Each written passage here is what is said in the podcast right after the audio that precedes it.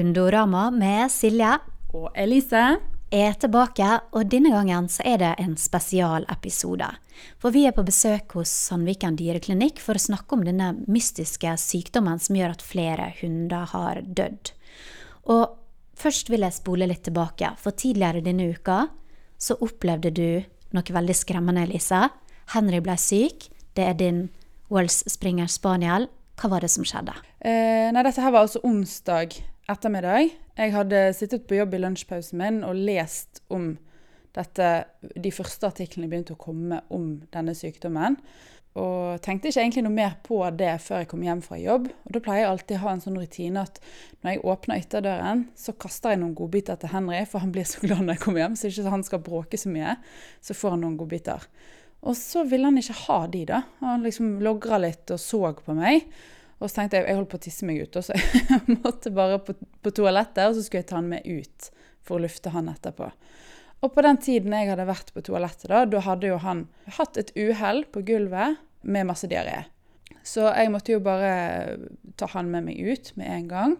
Eh, og det har jo skjedd selvfølgelig før at han har vært litt dårlig i magen hvis vi har vært på trening han har fått mye pølsebiter eller skinke eller eh, sånne ting.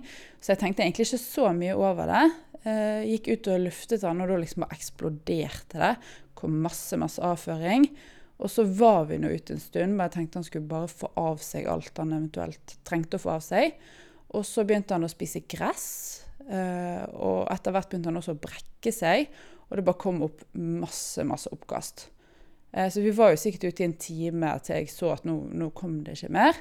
Og jeg tenkte at han har sikkert spist et eller annet. Og så, eh, litt senere på dagen, da, så kom jo da min mann hjem og skulle lufte han litt da. Og vært ute i kanskje ti minutter, så kom han inn igjen og så sa han, du Elise, jeg tror vi må kjøre til dyrlegen. For nå kom det masse blod. Det bare rant blod ut av baken på han. Og jeg hadde jo lest om denne sykdommen, sant? og fikk jo nesten litt eh, panikk i heimen. Og det var jo selvfølgelig kveld, eh, så det var jo ingen veterinærer som var åpne, så vi måtte ringe til dyrlegevakten. Og de var litt sånn avventende, men ja, jo da, dere kan komme inn. Og da var det en Annikura-klinikk som hadde vakt den kvelden. Eh, og de var veldig greie, men vi måtte jo da bære han, Vi fortalte jo om symptomene, sant? så vi måtte bære han inn så han ikke skulle gå på gulvet inn på et isolat langt fra alle de andre rommene. Um, og han ble undersøkt der. Uh, men det som på en måte var med han, da For jeg hadde jo lest at de fleste av hundene som fikk denne sykdommen, de uh, døde etter sånn 24 timer. Så det gikk veldig fort med allmenntilstanden som gikk nedover etter de hadde vist disse symptomene. Så jeg var jo liksom og fulgte med han hele tiden, men han så egentlig aldri ut til å bli dårligere. Sant? Han var veldig glad og fornøyd, og han virket pigg sånn ellers.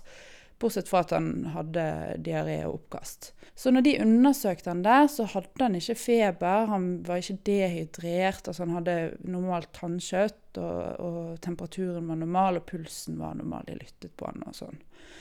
Så vi fikk på en måte valget der, da, om vi ville legge han inn til observasjon, eller om de skulle gjøre flere undersøkelser, eller om vi skulle ta han med hjem eh, for å følge godt med han og så ha lav terskel for å komme inn igjen. da. Jeg tenker jo Henry er jo en hund som hater eh, å bli forlatt på nye steder. Så jeg ser for meg det hadde vært veldig traumatisk for han hvis vi skulle reist fra han der ute om natten og latt han være igjen der. Så vi bestemte oss da for å ta han med oss hjem, og så heller ja, ha lav terskel for å ringe inn igjen eller komme tilbake igjen. Så han ble jo egentlig bedre. Vi ga han litt mat i veldig små porsjoner, veldig sånn magevennlig mat. Så kom det litt opp igjen da på torsdagen, og han var ute noen ganger i løpet av onsdagen på natten og hadde diaré, men da var det ikke noe blod. Så det veterinæren der mente, var at dette eh, mest sannsynlig var en slimhinne da, som var, gjorde at det blødde, og at han rett og slett har fått i seg noe som han ikke har tålt. Men sant, i lys av alt det som har skjedd denne uken, man blir jo så redd. Og i bilen utover der, jeg satt og tenkte skal vi kremere han? Skal vi begrave han på hytten? Skal, hva skal vi gjøre med? Skal jeg kjøpe meg ny hund med en gang? Hva, hva skal med Alle disse tankene gikk liksom gjennom hodet mitt. For man er så glad i disse dyrene. sant? Og når man leser om disse episodene som har skjedd. Sant? Eierne som føler seg så hjelpeløse, for det går så fort, og det er ingenting man kan gjøre for å stoppe det. Sant? Så jeg var rett og slett kjemperedd. Heldigvis så gikk det bra, og mest sannsynlig så er ikke det denne sykdommen Henry har hatt. Men så er det jo veldig vanskelig å vite, og det er jo derfor vi er her hos deg på Sandviken dyreklinikk, Kristine Skogseth Jacobsen, som er veterinær her. For hvordan kan man vite om hunden har denne mystiske sykdommen, eller om man bare har eh, magesjau, sånn som Henry hadde? Per nå så er det vanskelig å skille egentlig en tradisjonell magesjau, altså vanlig oppkast og diaré, fra denne her mystiske hundesykdommen. For vi vet litt, eller ingenting egentlig, om smittekilden. Eh, det som er viktig, er jo at man eh, er kildekritisk, hvor man leser, eh, at man oppsøker råd fra Veterinærinstituttet og Mattilsynet, og at man i hvert fall ikke blir hysterisk i en sånn situasjon, for det er veldig lett for at man kan bli ganske redd og skremt. Det vi anbefaler, er jo at man har en litt lavere terskel for å oppsøke veterinær, i hvert fall ringe om man har spørsmål. Og det beste er jo heller å få hunden undersøkt en gang for mye enn lite. Og så at man tar en individuell vurdering på hver enkelt hund, eh, for også å se om det er behov for antibiotika eller behov for andre former for eh, behandling. Men oppkast og diaré er jo en type plage som vi ser veldig ofte hos hund. Så det er jo eh, viktig at det blir undersøkt og fulgt opp, og at de får riktig behandling for det. Men det trenger ikke bety nødvendigvis at det har noe relasjon til denne mystiske hundesykdommen. Hva er det vi vet om denne sykdommen per nå? Det vi vet, er at det har forårsaka blodig diaré hos hund. Og at uh, de har kommet inn med noenlunde OK tilstand til at allmenntilstanden deres har blitt kraftig redusert og alvorlig i løpet av veldig kort tid. Og de har jo obdusert flere av disse hundene som de ser kan være relatert til hverandre på Østlandet, og funnet funn av bakterier som ikke nødvendigvis trenger være årsaken til at de har blitt så syke, som egentlig er jo bakterier som hører til en normal flora i tarmen. Men i, de mistenker at dette kan kanskje ha forårsaka en videre ødeleggelse av tarmen. Så om dette er noe som bidrar til sykdom, eller bare er et bifunn, det vet vi dessverre ikke ennå. Men de venter jo fortsatt på flere prøveresultat, og håper at uh, vi kan få flere resultat i løpet av kommende uke.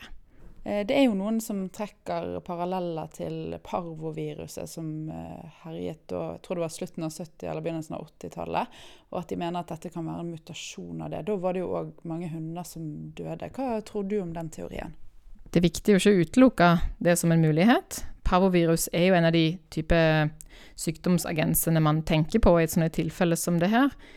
Men samtidig så ser man jo at heldigvis de fleste hundeeiere er veldig flinke til å vaksinere hunden sin, og da i den vaksinen så er det bl.a. beskyttelse mot parvovirus.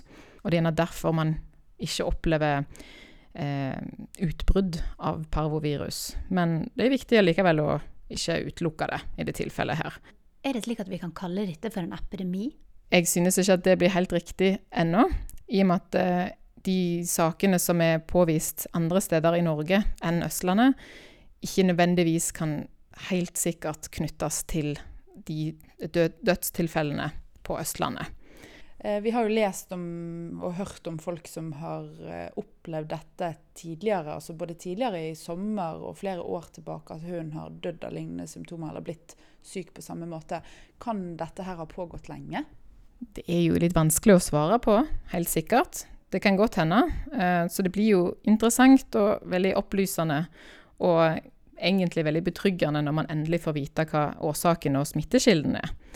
Men eh, foreløpig så vet vi for lite til å vite om det kan være en relasjon til de tidligere tilfellene.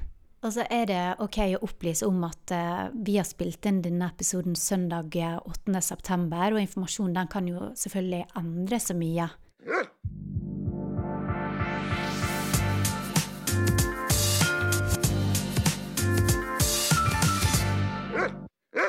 Vi har jo snakket litt om disse her eh, rådene som eh, man får eh, bl.a. fra Veterinærinstituttet. Og dere her på Sandviken dyreklinikk oppmoder jo folk om å følge de rådene. Og Kristine, kan ikke du ta oss litt gjennom rådene ett for ett? Det er viktig å unngå nærkontakt mellom hunder. Så hvis man har f.eks. flere hunder i samme husholdning, hvis de alle er friske, så vil jeg jo si at det er trygt at de er i kontakt med hverandre. Men skulle det bli en eller flere som viser symptomer sånn som oppkast eller diaré, så vil jeg isolere de så fremt det lar seg gjøre, um, for å unngå smitte.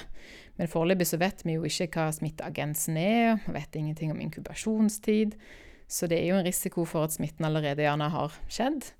Men man skal jo heller ikke måtte være altfor hysterisk i en sånn situasjon. Og heller bare unngå kontakt med fremmede hunder, i hvert fall. Det er viktig å utvise god håndhygiene, eh, og ikke låne vekk eller låne utstyr fra andre til hunden sin. I og med at det ikke er godt nok desinfisert, eller ja, kan være kontaminert, rett og slett, med det som er underliggende årsak til denne sykdommen. Det er viktig å ikke la hunden gå og snuse i grøfter eller steder som andre hunder kan ha bæsja eller tissa. Eh, men man vet jo egentlig ikke alltid om det har vært en andre, hund, andre hunder der. Nei, for det, det, lurer jo jeg litt på, som har en hannhund som syns livet er rett og slett å gå i grøftene og snuse. Og mest sannsynlig så har det jo på et eller annet tidspunkt vært en annen hund der. Mm. Eh, og jeg ser jo på Facebook-grupper at folk kjører langt, langt vekk for å finne steder der det mest sannsynlig ikke har vært andre hunder. Men altså, hvor langt skal man gå i å følge dette rådet uten at det blir helt hysterisk? Jeg tenker at det beste er å ikke la de smake og slikke på andre steder som potensielt kan ha blitt tissa eller bæsja på. Bedre å ikke ta noen sjanser. Og Selvfølgelig så må han få lov til å gjøre ifra seg både én og to ute, uten at det skal være noe skam i det.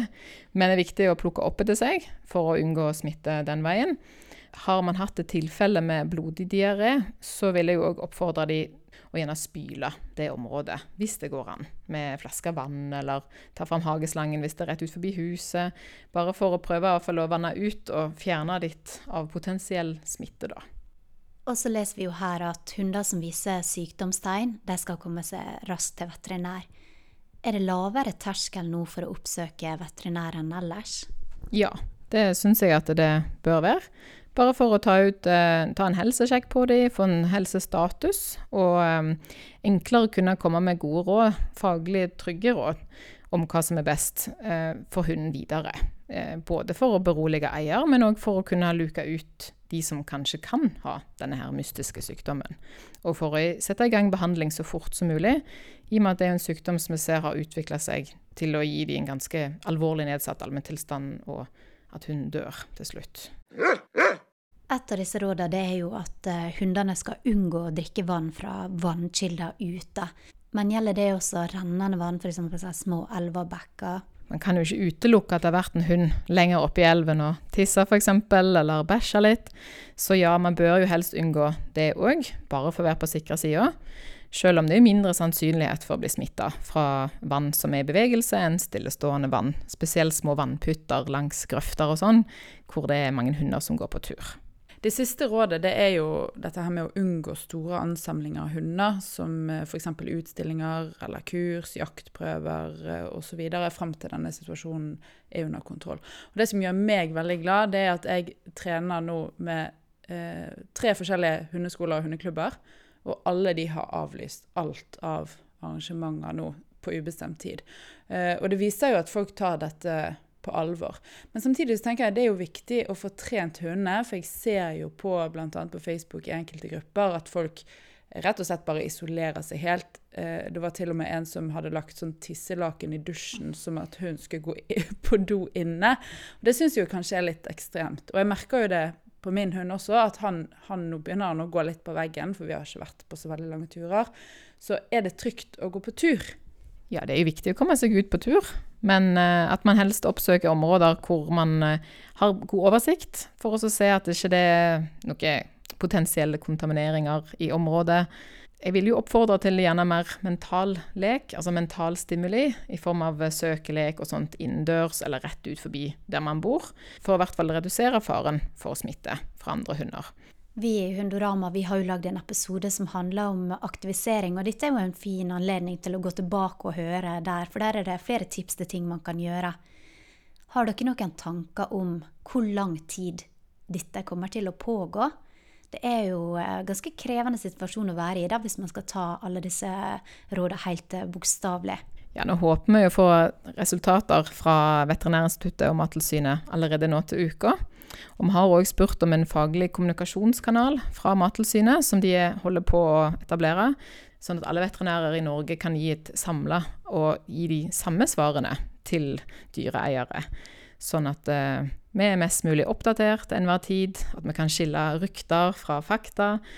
Og at det skal være enklere å vite hvordan man kan forholde seg med hunden sin, både inne og ute.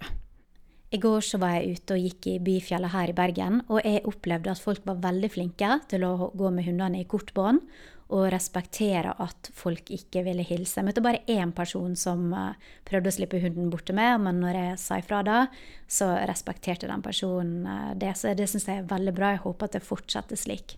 Og så må vi bare håpe at uh, dette snart går over, at man finner ut hva dette her er, og at ikke flere hunder trenger å dø. Og i mellomtiden så håper jeg at folk lar være å spre ting som de ikke vet er sant på sosiale medier, for det skaper et hysteri og en panikk som ikke er nødvendig. Så skal du ha oppdatert informasjon, så gå på Veterinærinstituttet og Mattilsynet sine sider, for der er det eh, det siste nye. Tusen takk for at du var med oss eh, i dag, veterinær på Sandviken dyreklinikk, Kristine Skogseth Jacobsen. Tusen takk for at jeg fikk være med. Og tusen takk for at du hørte på denne episoden av Hundorama.